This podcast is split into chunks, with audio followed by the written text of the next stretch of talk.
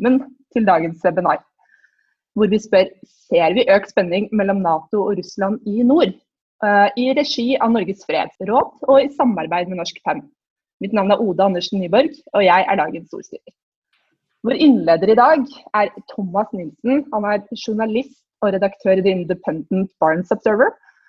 Uh, og så får du arrestere meg om dette blir litt for enkelt forklart, Thomas, men Barnes Observer er en nyhetsside som skriver på engelsk og russisk om nesten alt relevant for Barentsregionen.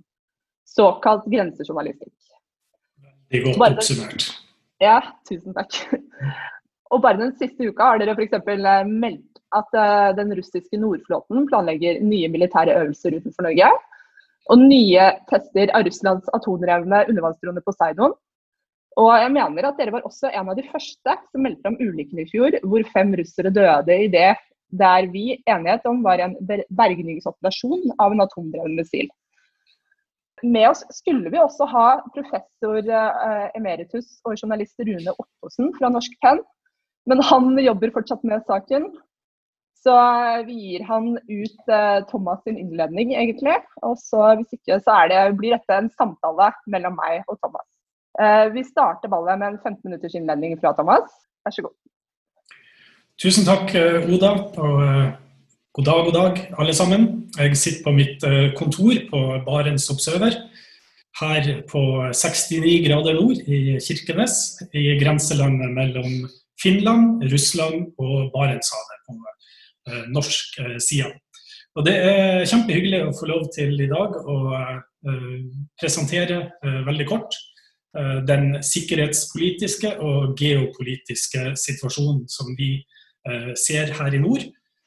Vi som Barents Observer og som journalister vi føler oss jo på veldig mange måter som en sivil norsk radar.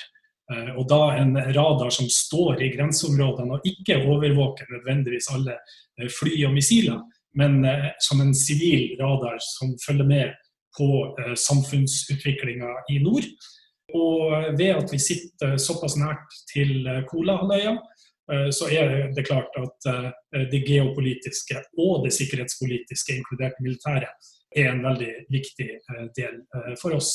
Og Det er jo et spennende område. Det er jo et område hvor det skjer veldig mye, eh, og hvor det er store endringer eh, på gang. Og Det eh, har det kanskje særlig vært de siste par årene, for ikke å snakke om de siste par ukene. På mandag så hadde den russiske generalstaben pressekonferanse i Moskva Eh, hvor de eh, oppsummerte eh, litt av den senere tids utvikling. Og Et av de store spørsmålene som der kom opp, gjaldt da den amerikanske flåtestyrken i lag med britiske marinefartøy, som seilte inn i Barentshavet nå for tre-fire uker siden. Det sies å være første gang siden 1986 at britiske og amerikanske overflatefartøy seiler inn i Barentshavet. Og ifra Fra Moskva så viste man da et stort bilde på skjermen under pressekonferansen som forklarte hvordan den russiske Nordflåten og generalstaben da overvåka den amerikanske flåtestyrken inn i Barentshavet minutt for minutt. Og hvordan de møtte denne marine Eh, fartøyene, da, eh, som var et par eh, destroyere og noen supply-båter, i tillegg til en amerikansk atomubåt. Nå jeg sier at dette er første gang siden på 1980-tallet, altså siden den kalde krigen, at det er amerikanske overflatefartøy i Barentshavet. Det betyr ikke at det ikke har vært amerikanske marinefartøy der. fordi det ligger jo, må vi i alle fall anta, amerikanske atomubåter utenfor basene på Kolaløya til enhver tid. Eh, Russland klager på at eh, denne eh, styrken er et nytt bevis på at USA kommer stadig nærmere, og med USA da Nato, kommer stadig nærmere de russiske territoriene og viktige militærstrategiske områder, som marinebasene på Kolahalvøya. I tillegg så har vi de siste par ukene sett også at det har vært amerikanske B1, strategisk lang, langtrekkende bombefly, som har flydd både over norsk og eh, svensk eh, territorium. Og Det er nok ikke nødvendigvis de flygningene som tidligere har vært oppe i nord, som har vært de største bekymringene sett fra Moskva, men de flygningene som går inn i Østersjøen og nært over den russiske enklaven Kaliningrad og St. Petersburg, altså rundt de, de baltiske områdene. Men i tillegg da, så er det jo selvfølgelig sånn at spillet her foregår jo på begge sidene av, av grensa. Og Barents Observers hovedrolle har jo i all hovedsak vært å følge den remilitariseringa som vi har sett på Kolandøya og i de arktiske områdene i Russland. Og her har det skjedd mye de siste par, siste par årene. Eh, nå på mandag så signerte den russiske Nordflåten eh, akseptsertifikatet for den nyeste eh, atomubåten som blir tilført Nordflåten. Den heter Knias Vladimir, eller Prins Vladimir. Som er, som er, da navnet på, på denne Borei-klasse ubåten. Den ubåten alene tilfører altså da Nordflåten minimum 96 nye atomstridshoder, som da vil begynne å seile ut fra Gajievo-basen nord for Murmansk. Vi er ikke helt sikre på antallet uh, atomstridshoder om bord. Det er 16 missiler, og de missilene har hver seks 6 til 10 stridshoder. Så er det seks stridshoder i hvert missil, så er det altså da minimum 96 nye atomstridshoder til Eh, den russiske eh, Nordflåten. Og det her kommer i tillegg eh, til andre moderne ubåter som skjer, og det skjer en ganske kraftig modernisering av marinestyrkene da, på Kolahalvøya.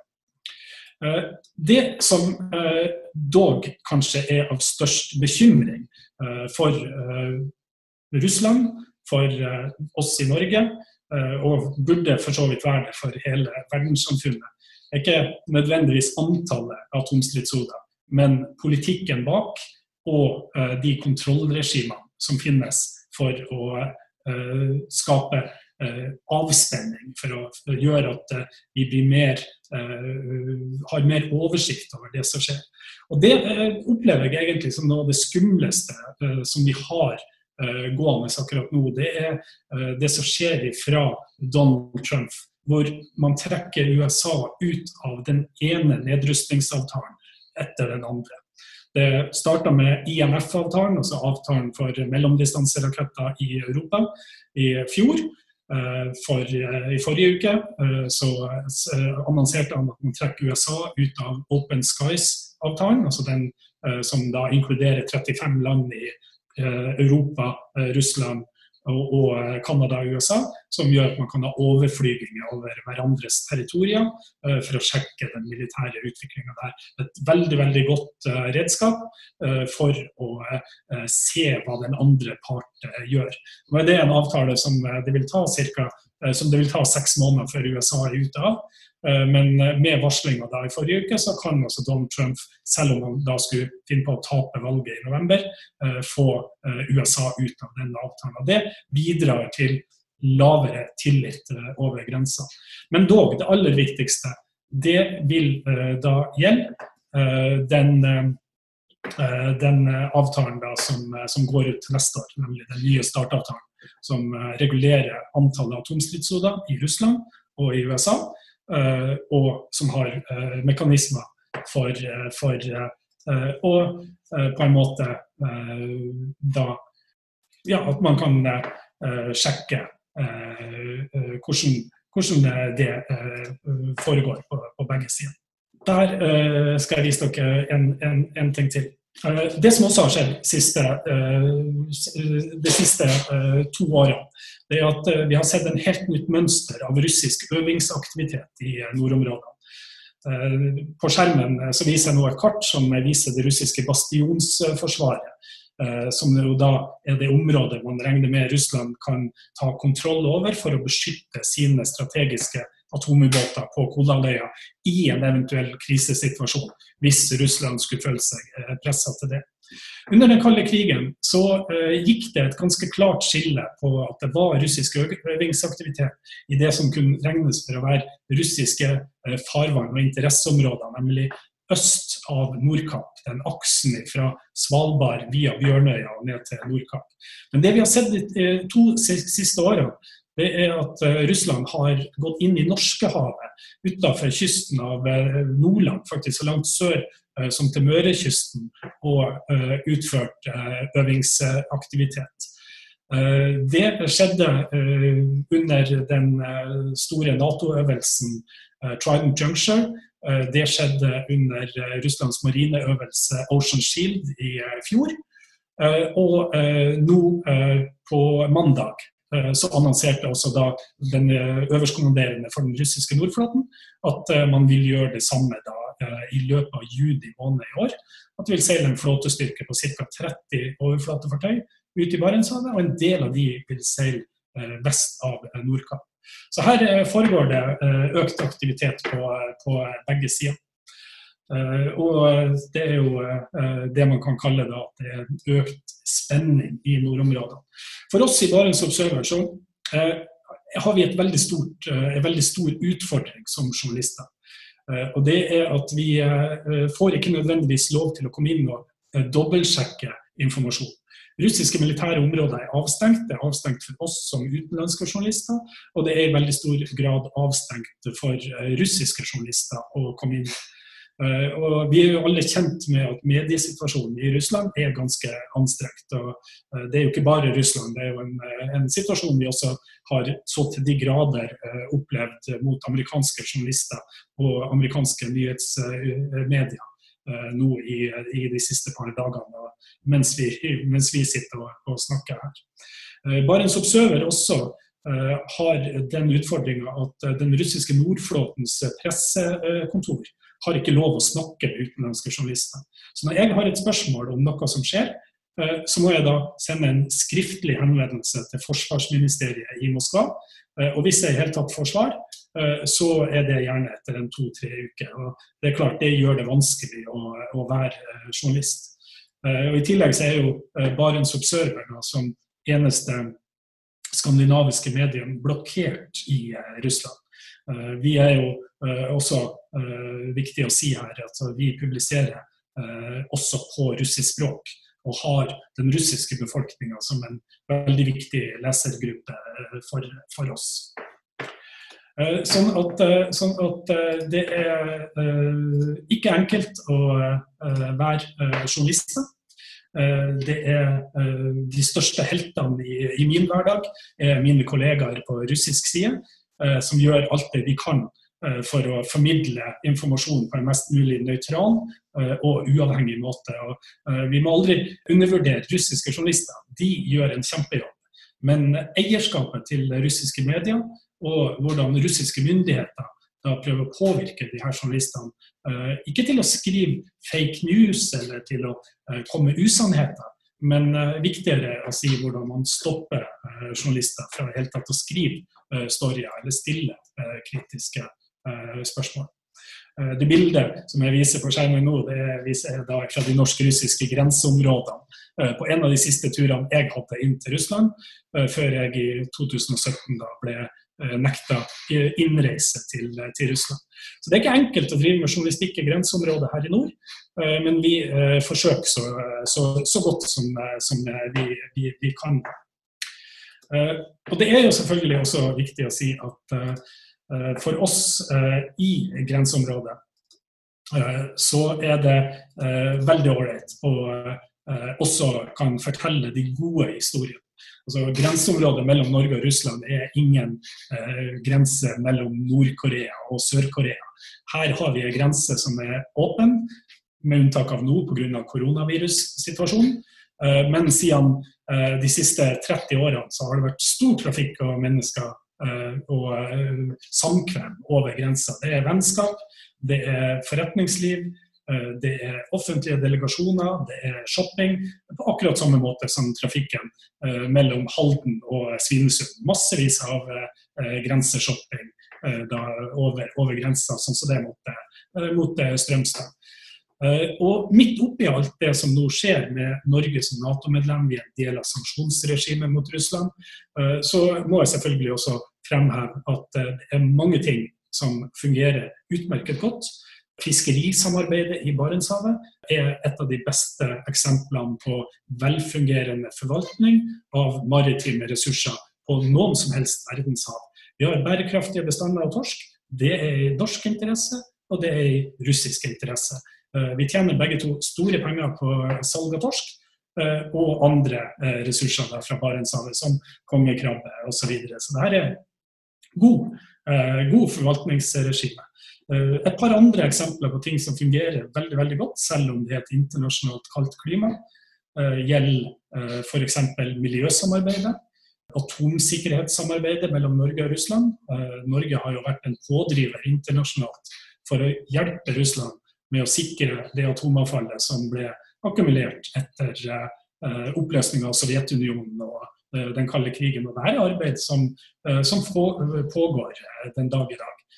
Veldig veldig ålreit å, å, se på. Og så selvfølgelig folk-til-folk-samarbeid. og Med det tenker jeg i første rekke på kultursamarbeidet over, over grensa.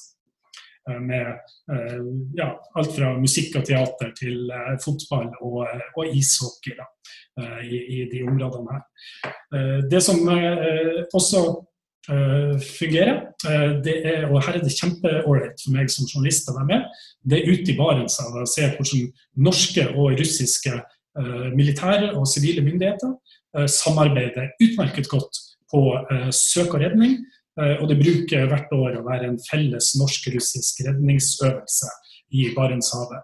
Eh, med russisk helikopter, eh, norske kystvaktfartøy.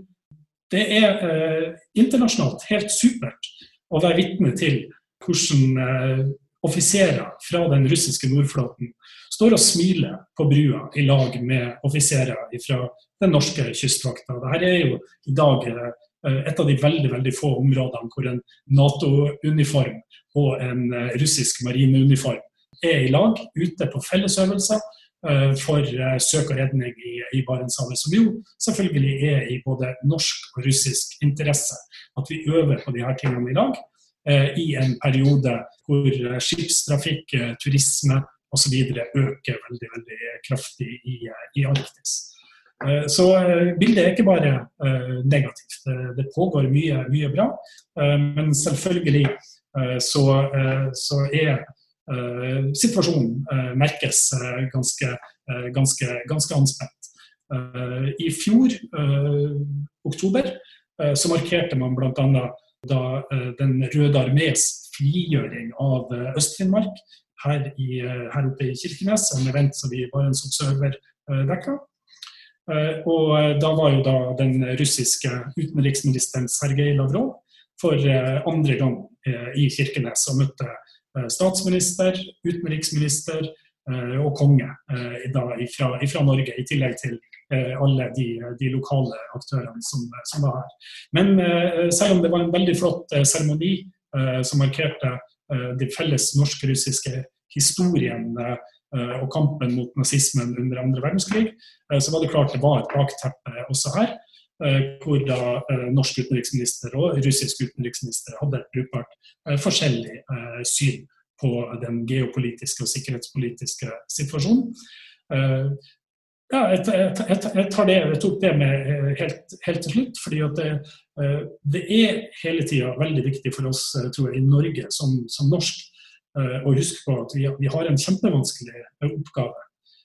Vi må balansere det å at Norge er Nato-medlem, eh, deltar i sanksjonsregimet mot Russland eh, på, lik linje med EU. Det, det norske sanksjonsregimet er jo en blåkopi av EUs sanksjonsregime som ble innført etter 2014 pga. annektering av Krim og den, den, krigen som pågår i Øst-Ukraina. Men samtidig så har Norge da som naboland til Russland og som en stor aktør i nord Eh, egne bilaterale hensyn å ivareta, nemlig å opprettholde et så godt som mulig eh, grenseforhold og eh, bilateralt samarbeid på fiskeri, miljø, folk-til-folk-samarbeid. Prøve å få til litt økonomisk samarbeid òg, selv om det er vanskelig for tida. Det er, det er ingen enkel oppgave. Den balansegangen er kjempevanskelig. Den er kjempevanskelig for Russland, som ser på Norge som en forlenga Nato-arm. En, en, forlengelse av, av, Natos militære tilstedeværelse i nord, som Russland absolutt ikke liker, Altså man gjentar da gang på gang kommer for nært opp til russiske interesse, interesseområder.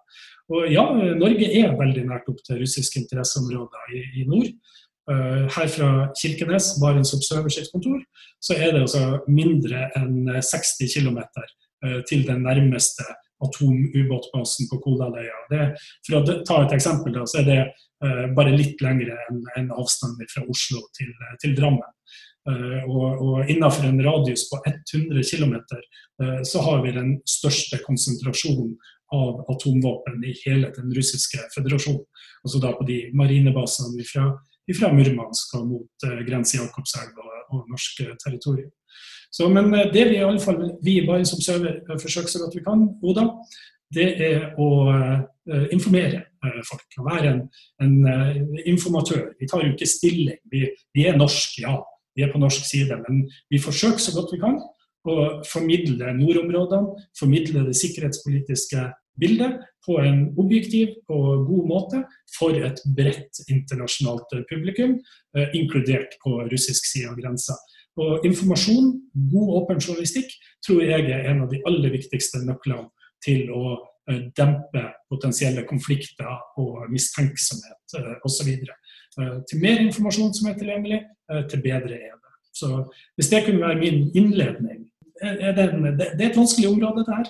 Eh, det skal jeg absolutt innrømme. Eh, men, men, vi kan ikke snu ryggen til det. Eh, Norge har en nabo i nord, og det er verdens største land, nemlig Russland. Og den må vi forholde oss til, med det vanskelige og med alt det positive som er med folk-til-folk-samarbeid.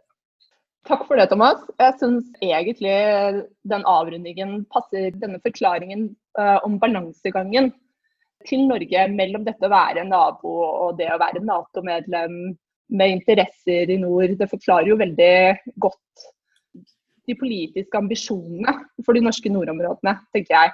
Og der er det jo også litt, Man har jo store politiske strategier. ikke sant? Nå er det et forslag til langtidsplan som jo er som jo bl.a. springer ut av en forståelse for at eh, vi ser økt spenning i nord.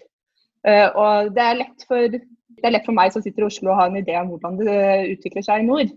Men det jeg da lurer på er jo litt sånn for deg, og nå har du vært innom det, men er det forenlig for deg den utviklingen du ser i nord, men den, hvordan vi snakker om det i, samfunns, ja, altså i samfunnsdebatten, men også hvordan politikerne snakker om utviklingen i nord? Ja, altså, Det er jo selvfølgelig veldig lett å svare nei på det spørsmålet. fordi eh, i, i, min hverdag så skulle jeg selvfølgelig ha sett mye mer eh, oppmerksomhet mot nord.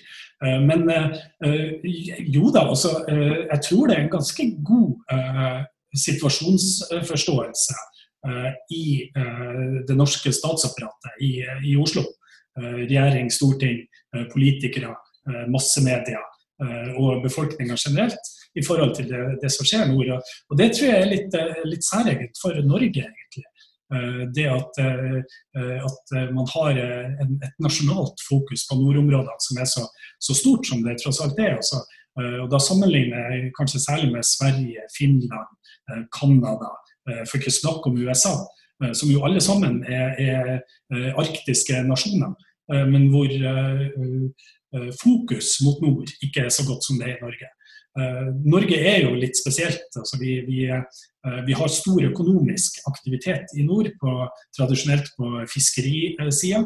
Eh, etter hvert også på petroleum og en del andre områder. Og, og, Norge, i motsetning til de andre arktiske nasjonene, så bor altså over 10% av vår befolkning bor nord for Polarsirkelen. Det bor, det, bor, flere mennesker i Tromsø by enn det gjør i hele tatt i hele Canada nord for 62. Eh, breddegrad, som vel er sør av Ålesund. egentlig. Sånn at Norge har et stort fokus mot nord, eh, og, og eh, det er bra. For her skjer ting i, rask, i en rask endring. Det, det gjør det. Og, men om, om det her gjenspeiles i langtidsplanen for Forsvaret, og hvordan det er, det, det er jo politiske spørsmål. Men, men som journalist så, så, opplever jo vi at det er mye større fokus på nordområdene i Forsvaret i Norge.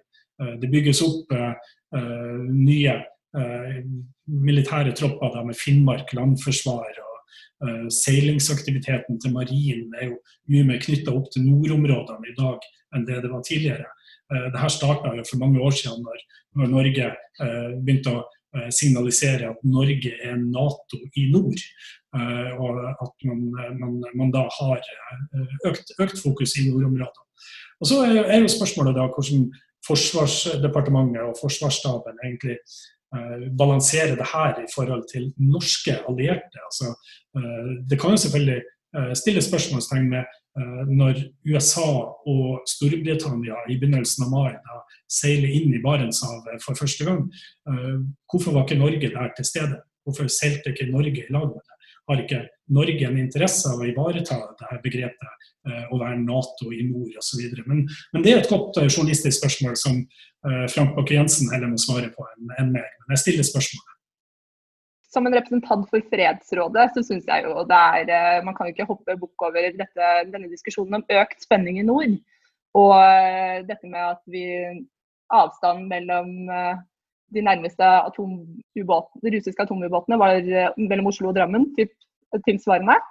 Og koble det litt på dette måten å snakke om økt spenning i nord at det er en ny normaltilstand, f.eks., som jo ble brukt ganske vidt av Ine Eriksen Søreide, f.eks. etter Ukraina-krisen.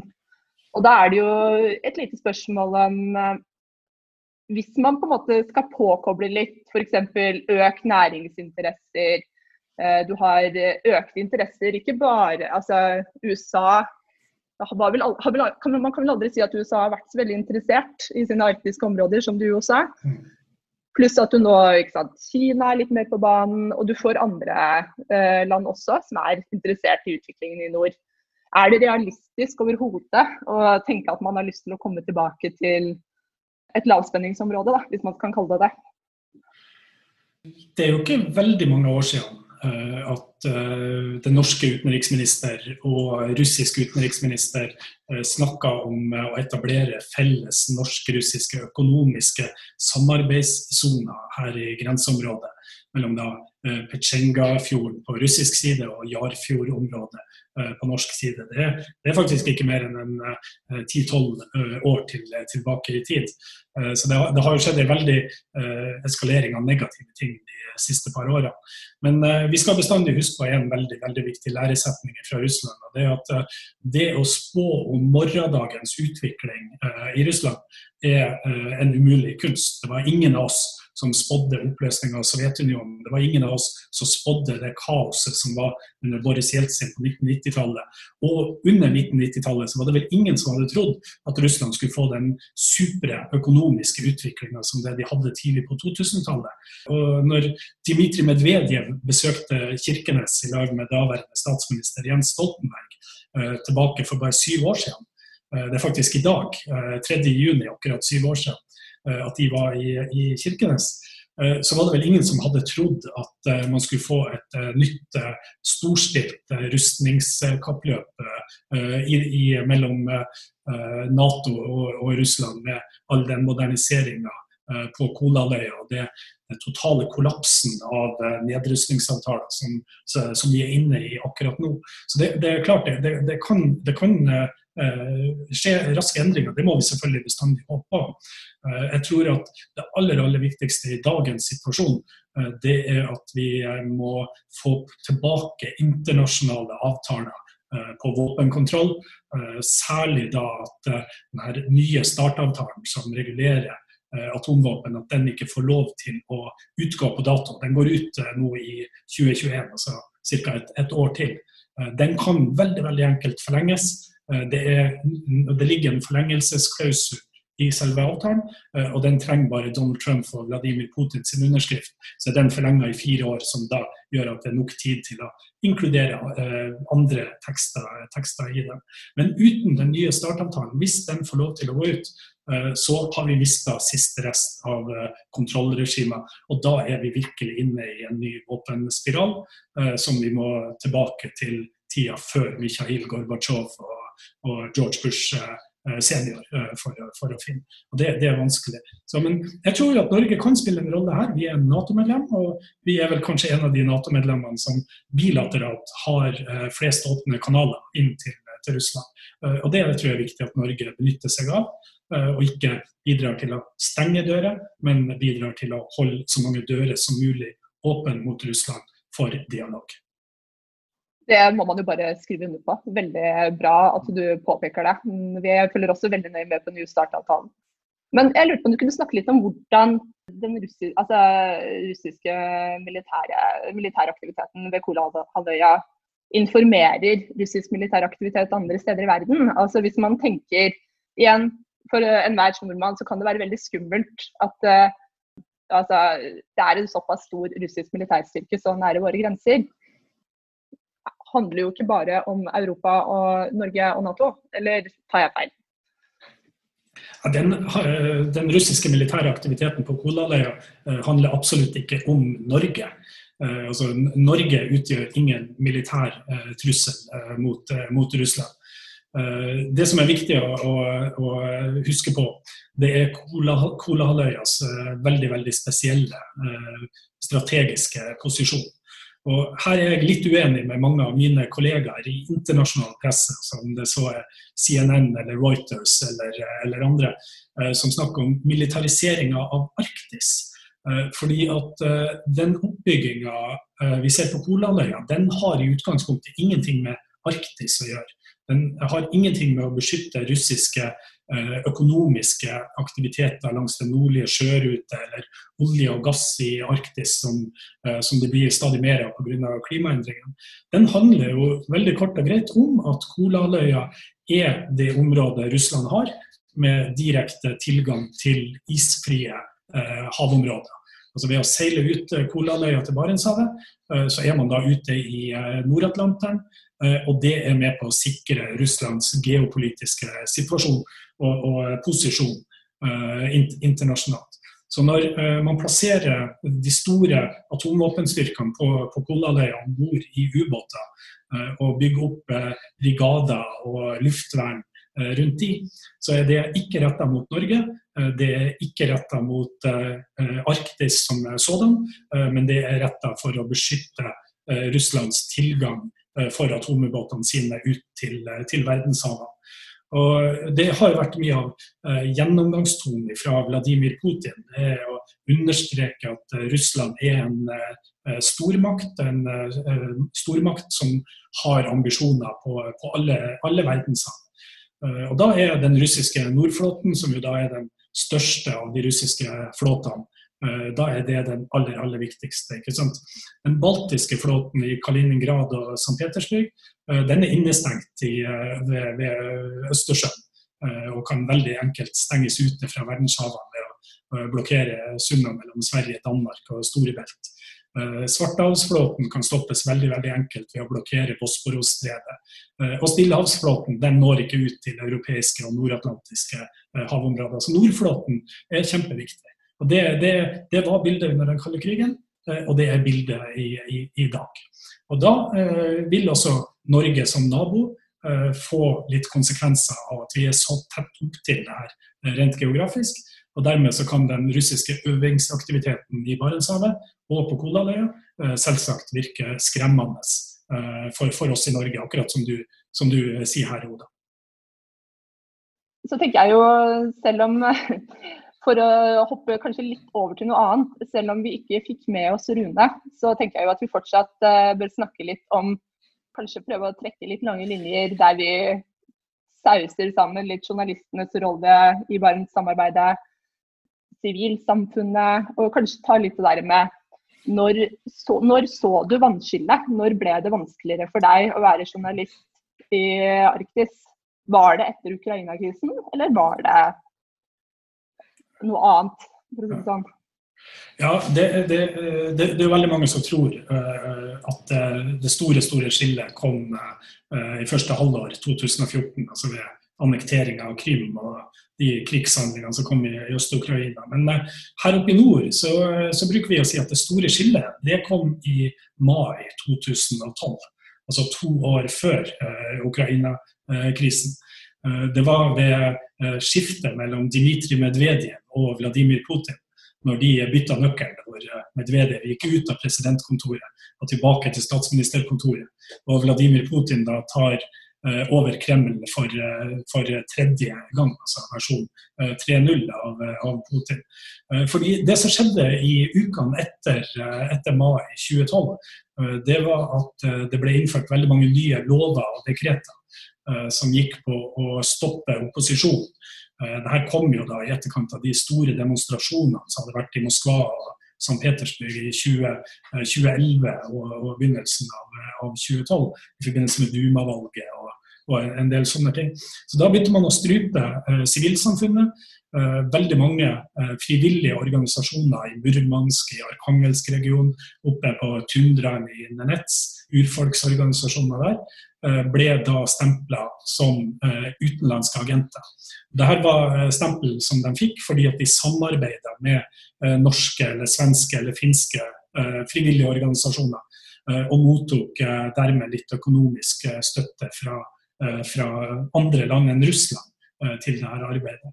Eh, det å få et stempel som utenlandsk agent det er det samme som blir kalt forræder. Og det er ingen av de organisasjonene som fortsetter sin, sin aktivitet som tidligere. Dette rammer også journalistikken. Det kom nye lover om ekstremisme.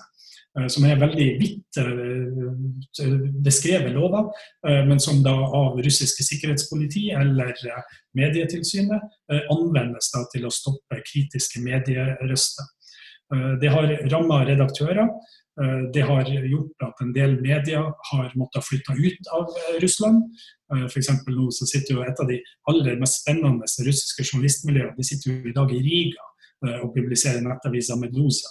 Som er, som er, veldig bra, men som gjør det veldig vanskelig. Og vi merka det også som utenlandske journalister som reiste innover de russiske nordområdene. at uh, Fra 2012 så, så var det uh, mer regelen at vi ble fotfulgt av FSB, altså det russiske sikkerhetspolitiet, når vi var ute og jobba, enn en, at de ikke var med oss. da. Nå har ikke vi noen hemmeligheter, men det er jo klart det er jo veldig ubehagelig for de i Russland som vi intervjuer, og hele tida bli trakassert og være klar over at sikkerhetspolitiet følger med. Det er litt sånn som det var under Sovjetunionen, hvor da KGB fulgte med utenlandske eh, journalister i, i Sovjetunionen. Så 2012 eh, vil jeg si var et, eh, var et stort skille. Men selvfølgelig absolutt ingenting har blitt enklere etter 2014. Tvert imot. Hvor sårbare er egentlig Barents Observer? Altså det er jo, et, dere har et stort samfunnsoppdrag. Altså det er mye faktorer som gjør det vanskeligere for dere, sånn som du forklarer det. Hvis du ikke gidder mer, nå stikker jeg til Syden. Hva skjer da med de sakene du dekker? Uh, nei, altså vi, vi i Barents Observer vi, eh, vi, kommer til å fortsette å, å jobbe. Uh, vi, vi, tar oss tid til å uh, stikke til Syden når, når det igjen blir lov. Blir lov. og så kommer vi tilbake og jobber med enda mer energi. Barents Observer har jo som nettavis eksistert i det norsk-russiske grenselandet helt tilbake til 20, 20, 2002. Så vi, vi, har eh, nå til høsten så er vi 18 år uh, online. Uh, og vi har bestandig uh, publisert også på russisk språk for et russisk publikum. det er klart, Vi er en veldig liten avis. og Vi, har, vi er private, vi er, vi er eid av journalister. det gjør vi fordi at vi ikke vil at noen skal kunne komme inn og ta oss over eller eh, bestemme hva vi kan skrive eller ikke skrive. Vår journalistiske integritet er det aller viktigste. Uh, og da, da, sier det seg selv at det er vanskelig å finansiere det. Vi har ingen pressestøtte eller, eller, eller annen offentlig støtte av den type ting. Det, det er uh, bidrag fra leserne våre som, som holder, oss, holder, oss, gående. men samtidig så vi er jo ikke hovedsakelig for et norsk publikum. Vi har eh, lesere over hele verden, eh, i Skandinavia, i Russland, i Nord-Amerika, eh, økende grad også i, i, Asia. Det vi gjør, det er at i stedet for å tro at vi skal sjøl vokse oss med veldig veldig stor med mange mange ansatte, så bygger vi allianser. Så vi har et veldig godt nettverk av journalister rundt hele det sirkumpolare nord. Vi samarbeider med Radio Canada på utveksling av av nyhetsartikler med dem gjennom det nettverket som de har drifter som heter Eye on the Arctic. Det er en barteravtale som, som vi kan bytte helt fritt avtale. I Russland så er det Moscow Times, som er engelskspråklig og russiskspråklig nettavis basert i Moskva, vår viktigste samarbeidspartner. Så arbeidet pågår også gjennom andre mediekanaler. Eh, det er kjempeviktig, eh, særlig akkurat nå, eh, fordi at Barents Observer er blokkert i Russland av det russiske medietilsynet. Så Det er den internettveggen som, som Russland eh, forsøker å stoppe oss på. Eh, og det at vi da har andre medieplattformer som republiserer våre artikler på russisk, eh, det er en kjempegod strategi. Eh, det koster lite økonomisk, og det fungerer veldig veldig bra. Så Vi har jo tusenvis av lesere eh, fortsatt i Russland, selv om eh, man jobber da veldig aktivt fra enkelte deler av russiske myndighetsapparatet for, for å stoppe oss. Og så har vi jo selvfølgelig nært inn på grensa, altså i Murmansk-området, så, så, har vi jo masse titalls med veldig ålreite journalister som vi kan samarbeide med for å kryssjekke informasjon, og vi kan hjelpe dem i Norge. Eh, de hjelper i Russland osv. Der, der har vi jo eh, helt siden tidlig på 1990-tallet så har vi jo her i nord hatt et journalistnettverk som heter Barents Press. Som er et, et uformelt nettverk av journalister i nordlige deler av Finland, Norge, Sverige og Murmansk-Arkangelsk-regionen. Som, som, ikke er noen fast etablert organisasjon, men, men hvor journalister hjelper andre journalister. Det, det igjen passer utmerket på det her med å, å, å Eh, få best mulig tilgang på informasjon over grensa. Det skal vi, det skal vi fortsette med så godt, eh, så godt, vi bare kan. Takk for det. Eh, da tenker jeg at vi egentlig kan se litt på spørsmål.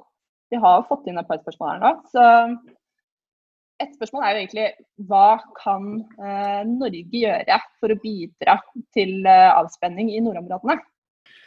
Ja, altså det, det, vil jo være øh, Jeg er jo ingen politiker, men, øh, men jeg har jo som, som, en observatør i nord og ser mm. hva som fungerer og hva som ikke fungerer.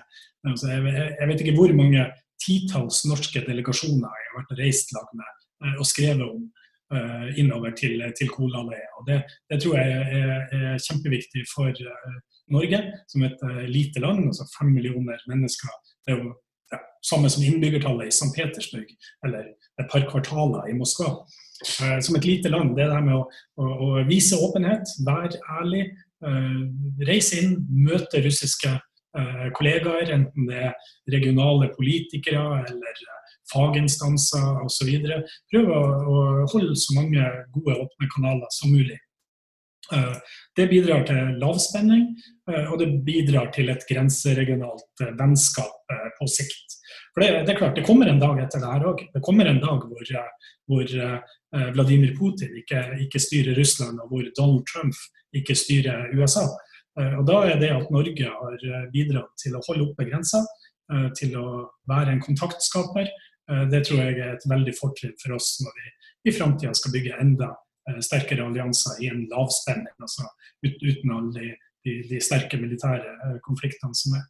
Eh, og så er det jo eh, altså det her slagordet fra Norge, det at man sier at man er Nato i nord. Det, det, det gir jo selvfølgelig også Norge et, et veldig viktig ansvar for å fortelle andre Nato-medlemmer om nordområdene. Og jeg, jeg, opplever jo kanskje særlig USA som et land som Eh, kanskje veldig nylig har liksom fått opp øynene for at det skjer ting i nord. Eh, USA har jo hatt veldig liten interesse for, for nordområdene.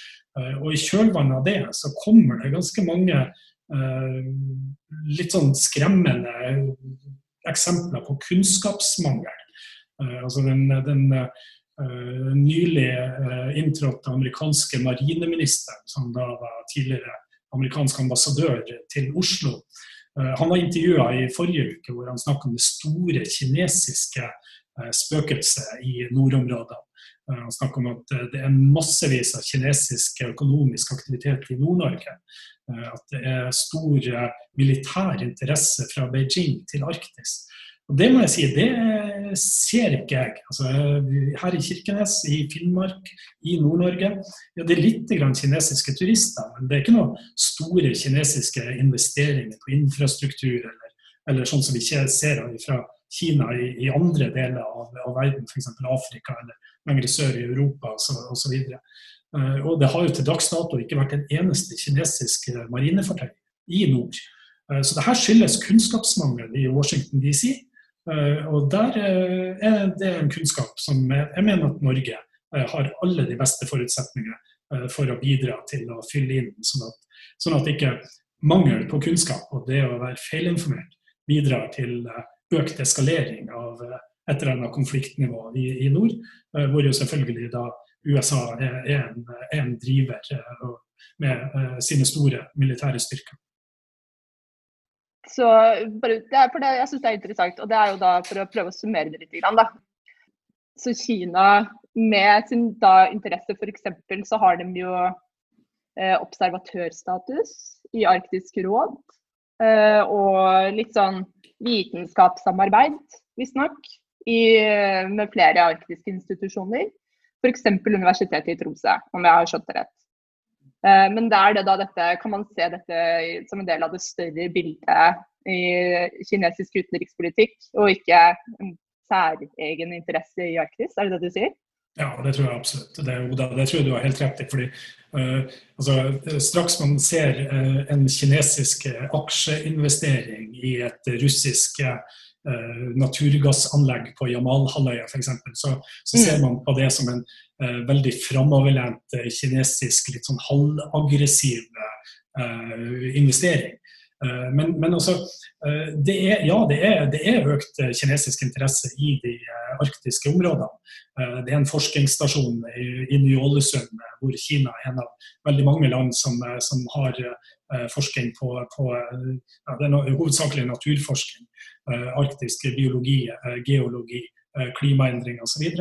Mm. Eh, og, så, og, så, er det eh, kinesisk interesse også for andre områder. Men, men eh, det er jo ikke noe for, Sett ifra Beijing så er ikke Arktis noe mer interessant enn andre områder uh, langs det såkalte Belt and Road-initiativet, som går på å bygge infrastruktur mellom Nord-Amerika, Asia og, og Europa. og det er, jo, det er, jo, langt større kinesisk interesse for Øst-Afrika f.eks. enn det er for Arktis.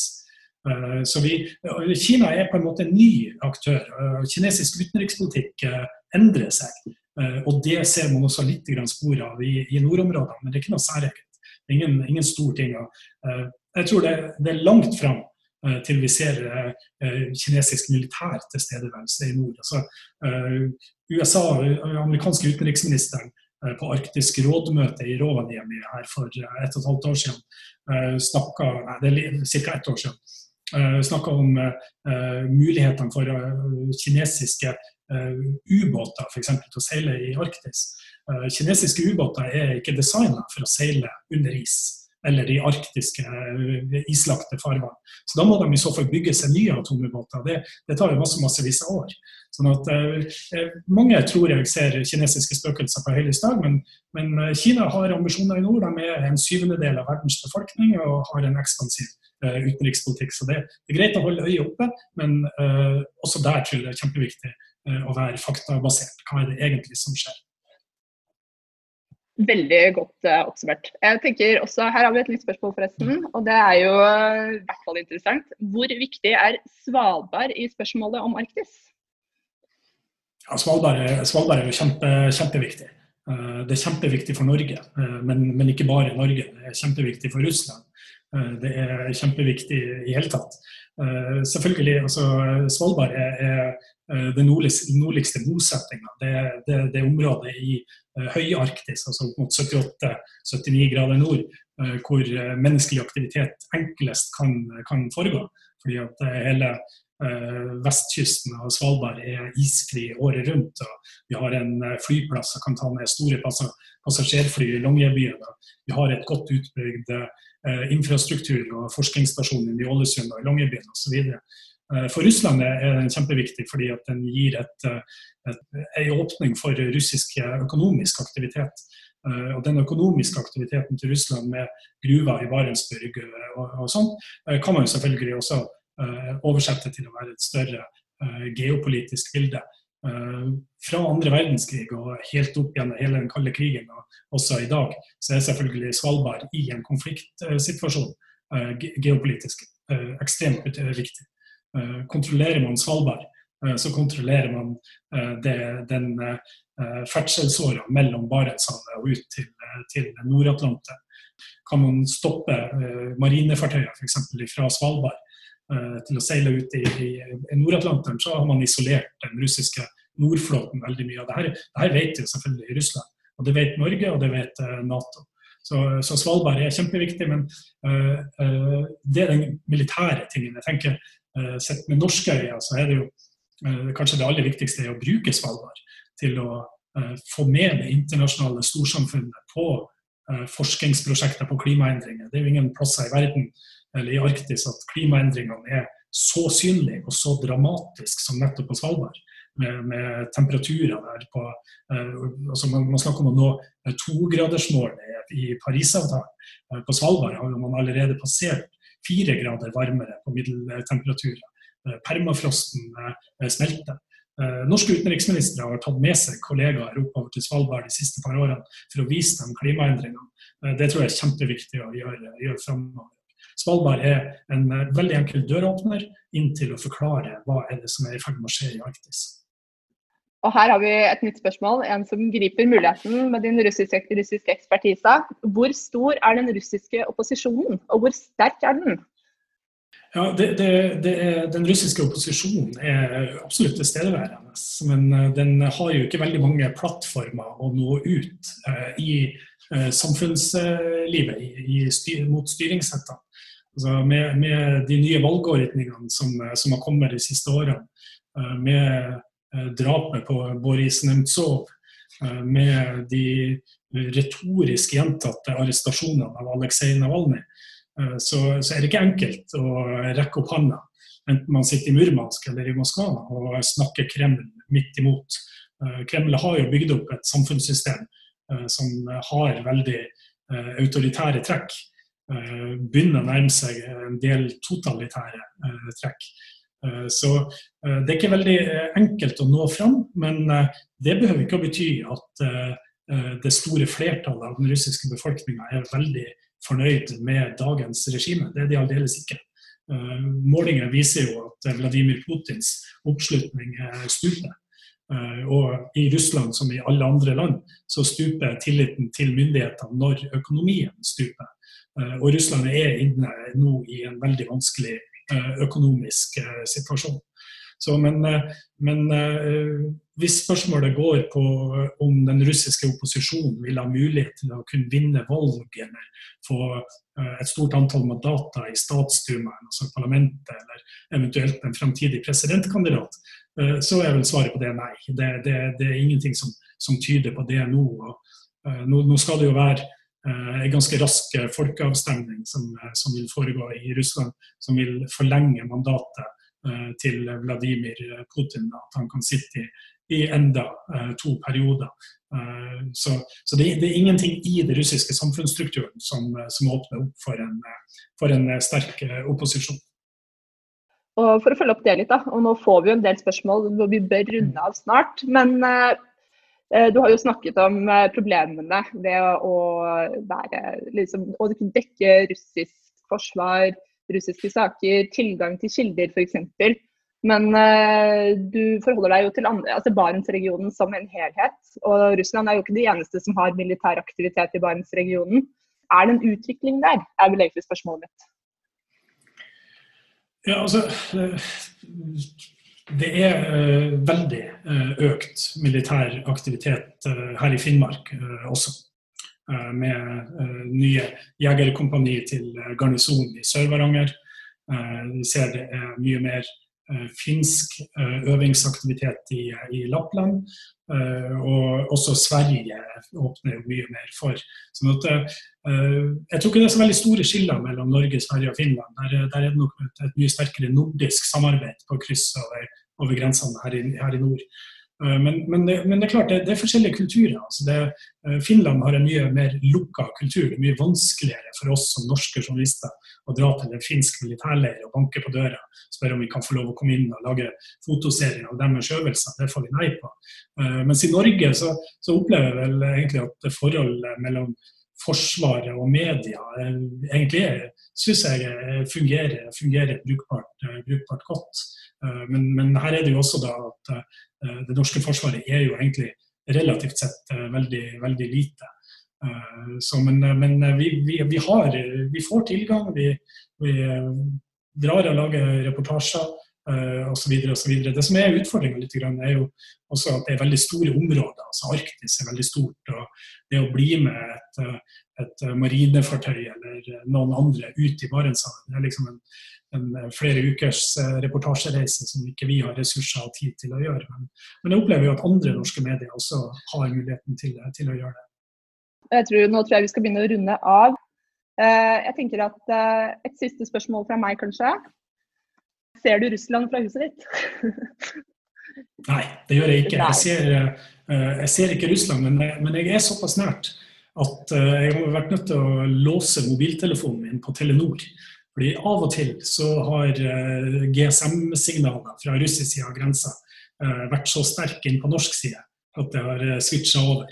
Og Jeg har ikke noe problem med å være på russisk mobilnett, sånn, bortsett fra at det er veldig veldig dyrt.